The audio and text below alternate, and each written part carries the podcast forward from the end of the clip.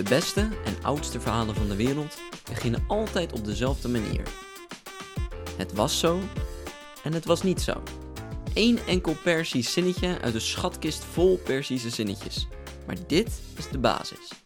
De ziel van het verhalen vertellen. Het begin van elk sprookje. En zo ook het begin van het nieuwe boek Lied voor de Vermisten van de Duits-Libanese auteur Pierre Jarawan. Leuk dat je weer luistert naar een nieuwe aflevering van Boekarek, een HarperCollins podcast. Ik ben Sjors en in deze aflevering vertelt bestseller-auteur Pierre Jarawan over zijn verleden en herkomst.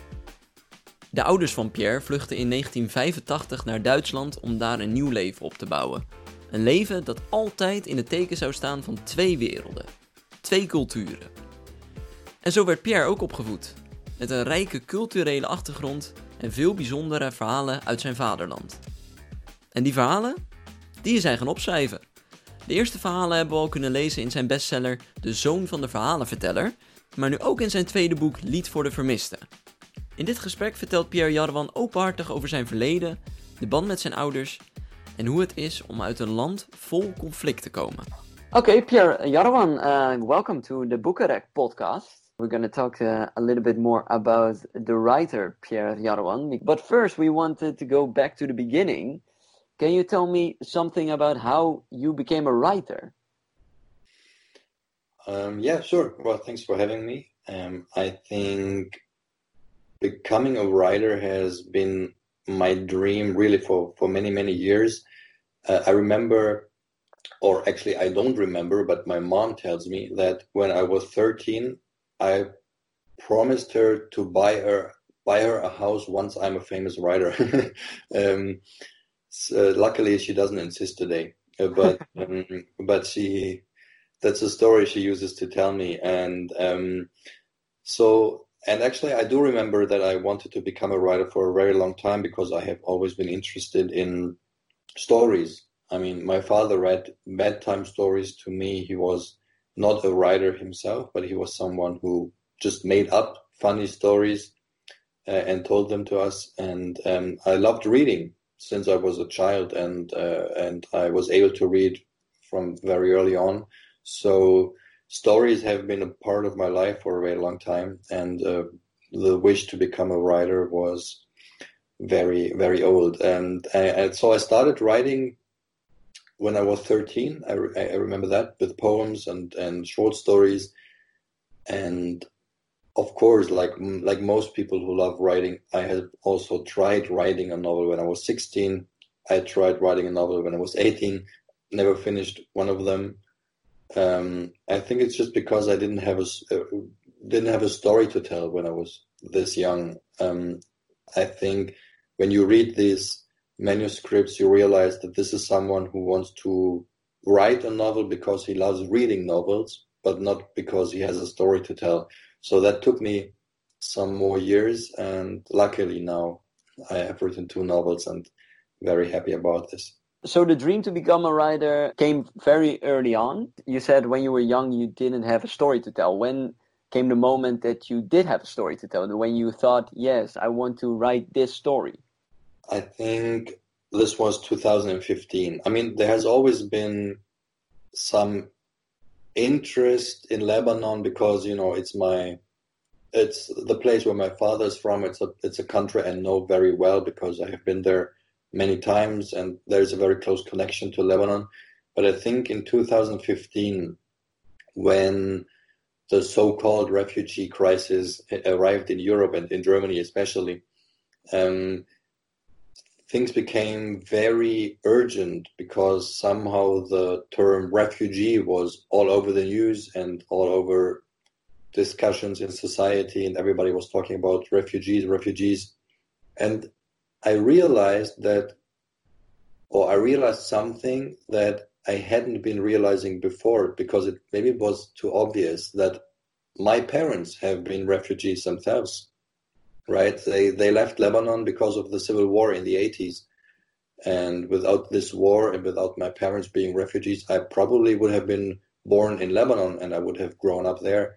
And um, this was never a topic at home.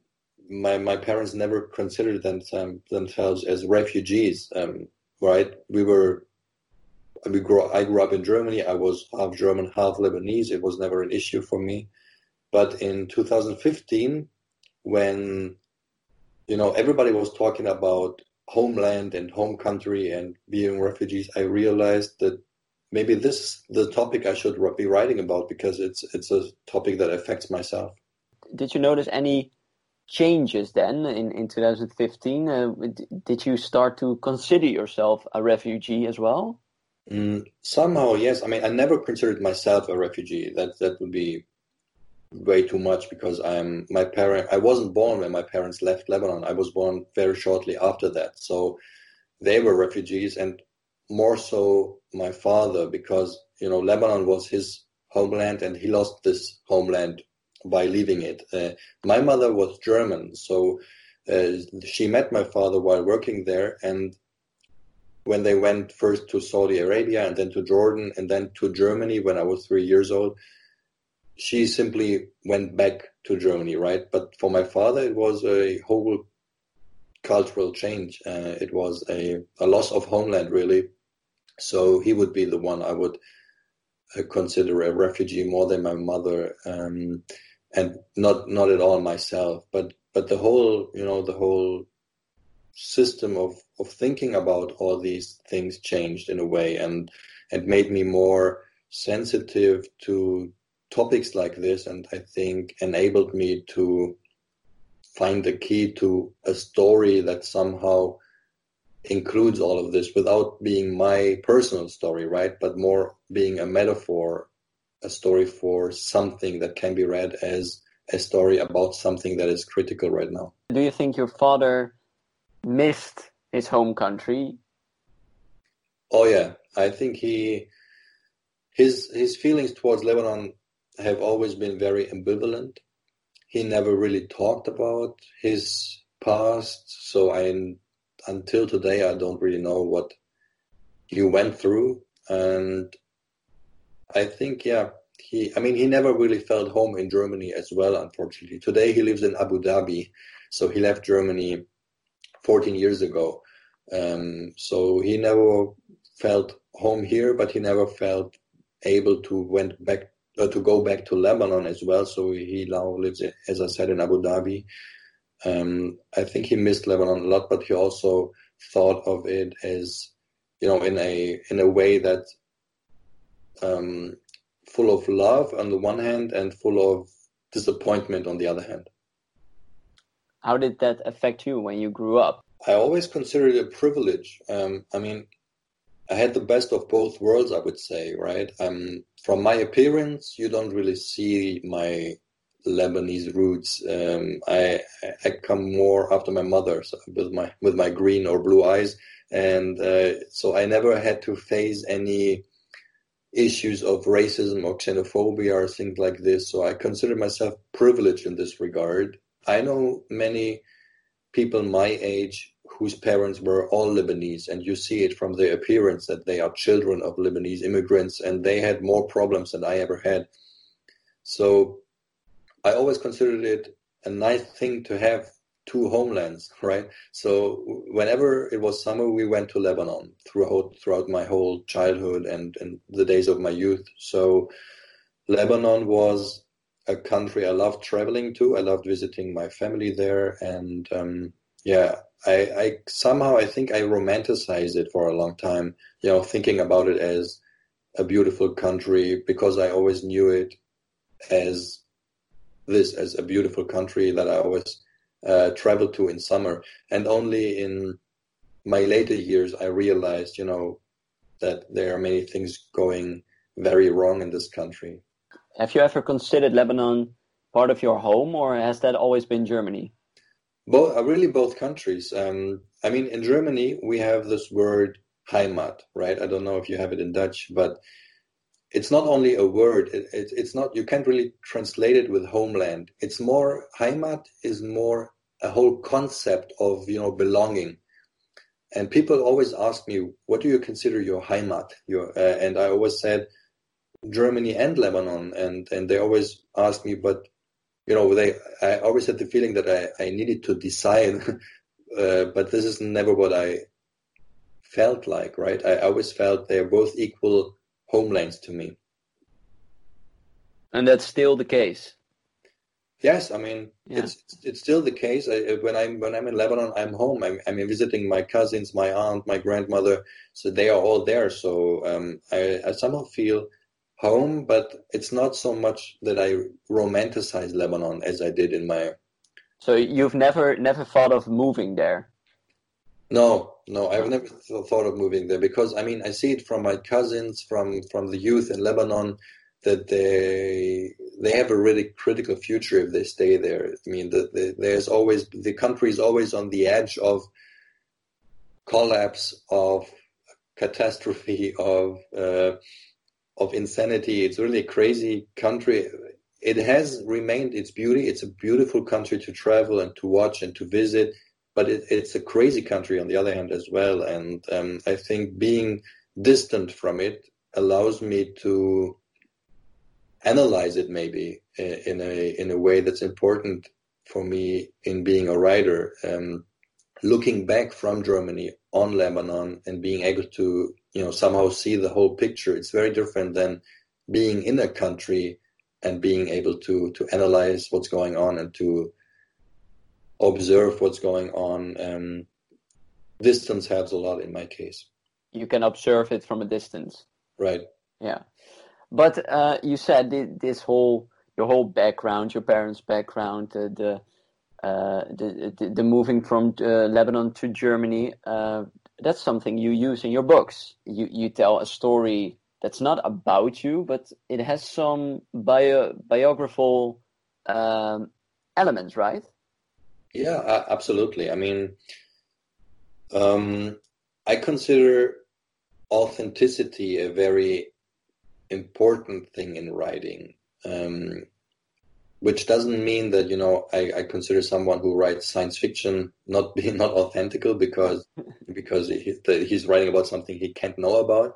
Uh, no, I, I, I consider I, I refer more to authenticity in terms of emotion of you know being true to what you write about, being committed to it. And with my first book and with the second book, I am committing myself to important themes that are referred to Lebanon and therefore are referred to myself, although the stories I am telling don't really have to do much with my, my own biography, but somehow, of course, uh, I'm drawing from my experience.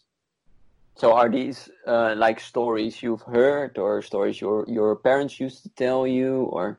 They are, they are, these are stories that could have happened like this, right? And therefore they function as somehow a, a mirror or a projection of a bigger problem, I would say.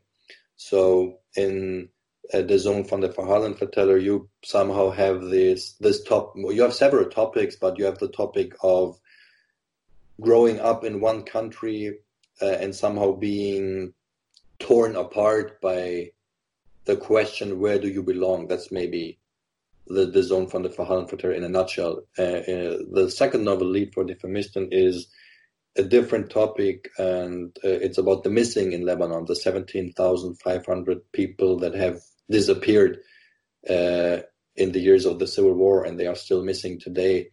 So the story I'm telling is not the one in this book of a person I talked to or something, but it's more a story I made up of all the things I learned during my research. I talked to many, many people, and the story I'm telling somehow includes all the things of all the people I've talked to, right? So this is what I meant. It's more of a mirror. Uh, the story is mirroring something, uh, a bigger picture. But uh, Lied voor de Vermiste, your new book, uh, like you said, is about uh, uh, missing persons. Um, is that something you, you just stumbled upon and you thought I want to explore this? And how how did that process go? For my novels, I always do a lot of research, and when I did the research for the first book, I stumbled upon this case of you know seventeen thousand five hundred people just having disappeared, and they're still being looked after by mothers, by wives, by fathers. Uh, until today for, for more than 30 years. Um, and this I found this very moving, and I found this very shocking also because it was something I hadn't heard before, and it's something that is really it's a whole gap in collective memory in Lebanon. It is something that is not being talked about. It's a taboo. And what I wanted to do is, you know, preserve it in a story before it finally or before it disappears um, forever because all the relatives you know today they they have been looking for their missing persons for more than 30 years. They are in their 70s and their 80s now and um, they are the only ones um, telling these stories. So uh, for me i thought using storytelling um, to preserve something and to somehow make the reader in Germany, in the Netherlands, aware of something that is as big as this and something that is as yeah it's a polit- political issue that is explosive uh, right? So uh, uh, so i consider storytelling as the right thing to preserve it and to make it known. So making sure that in 20 years when the the last surviving people are gone the story remains yeah, I mean, of course, it somehow is, of course, a, a, also a romantic view of, of storytelling. I know that because, I, and somehow, I mean, it's not when I write, I don't think about you know that people in 20 years will will read my novels, uh, uh, but it's what I it, it's all I can do, right? Uh, so I'm writing the story because I, I consider it important, and if it finds its readers, it's something I'm very happy about. So the book will exist, and the story is now in in the world and it can be read and it can be uh, made known and that's what i hope for of course. Are there any authors that inspire you during your writing process that you read and you think i want to write like like that author it's not really like this. So when i write i try not to read at all uh, because i'm always afraid of you know of uh, uh, sounding like someone um, I, I want to have my own voice. I want to have my own recognizable sound. And I think people who read The Zoon van de Verhalenverteller, they will recognize my voice from this book in the second book as well. So this is very important to me. But of course, I have been influenced by by many authors. Although I would say maybe it's not so much that I have role models in authors. It's more that I would say that I have been always a bit more influenced by American or English storytelling, right? Uh, because in American novels, it's very common to tell story, a story, and history at the same time. You you always get something the bigger picture somehow. They tell it's very yeah common to read a book and it's set in a certain time and the time is being told as well. And there's it's a story set in a certain time and you learn something about the history or the people that are influenced by history. And this is something i consider very um, yeah entertaining to read very typical for let's say american literature. And this is something that it has influenced me as a reader more than i would say contemporary german or european literature um, where storytelling sometimes is not the most important thing. It's more language or style, and um, yeah, I consider um, uh, the part of, of storytelling uh, an equal important one. So yeah, it's more literate in German. I'm sorry. It's more more they want to. It's more about the literature. They want to uh, write nice stories, like the, the the whole writing is uh, the focus is on the writing and not about the story.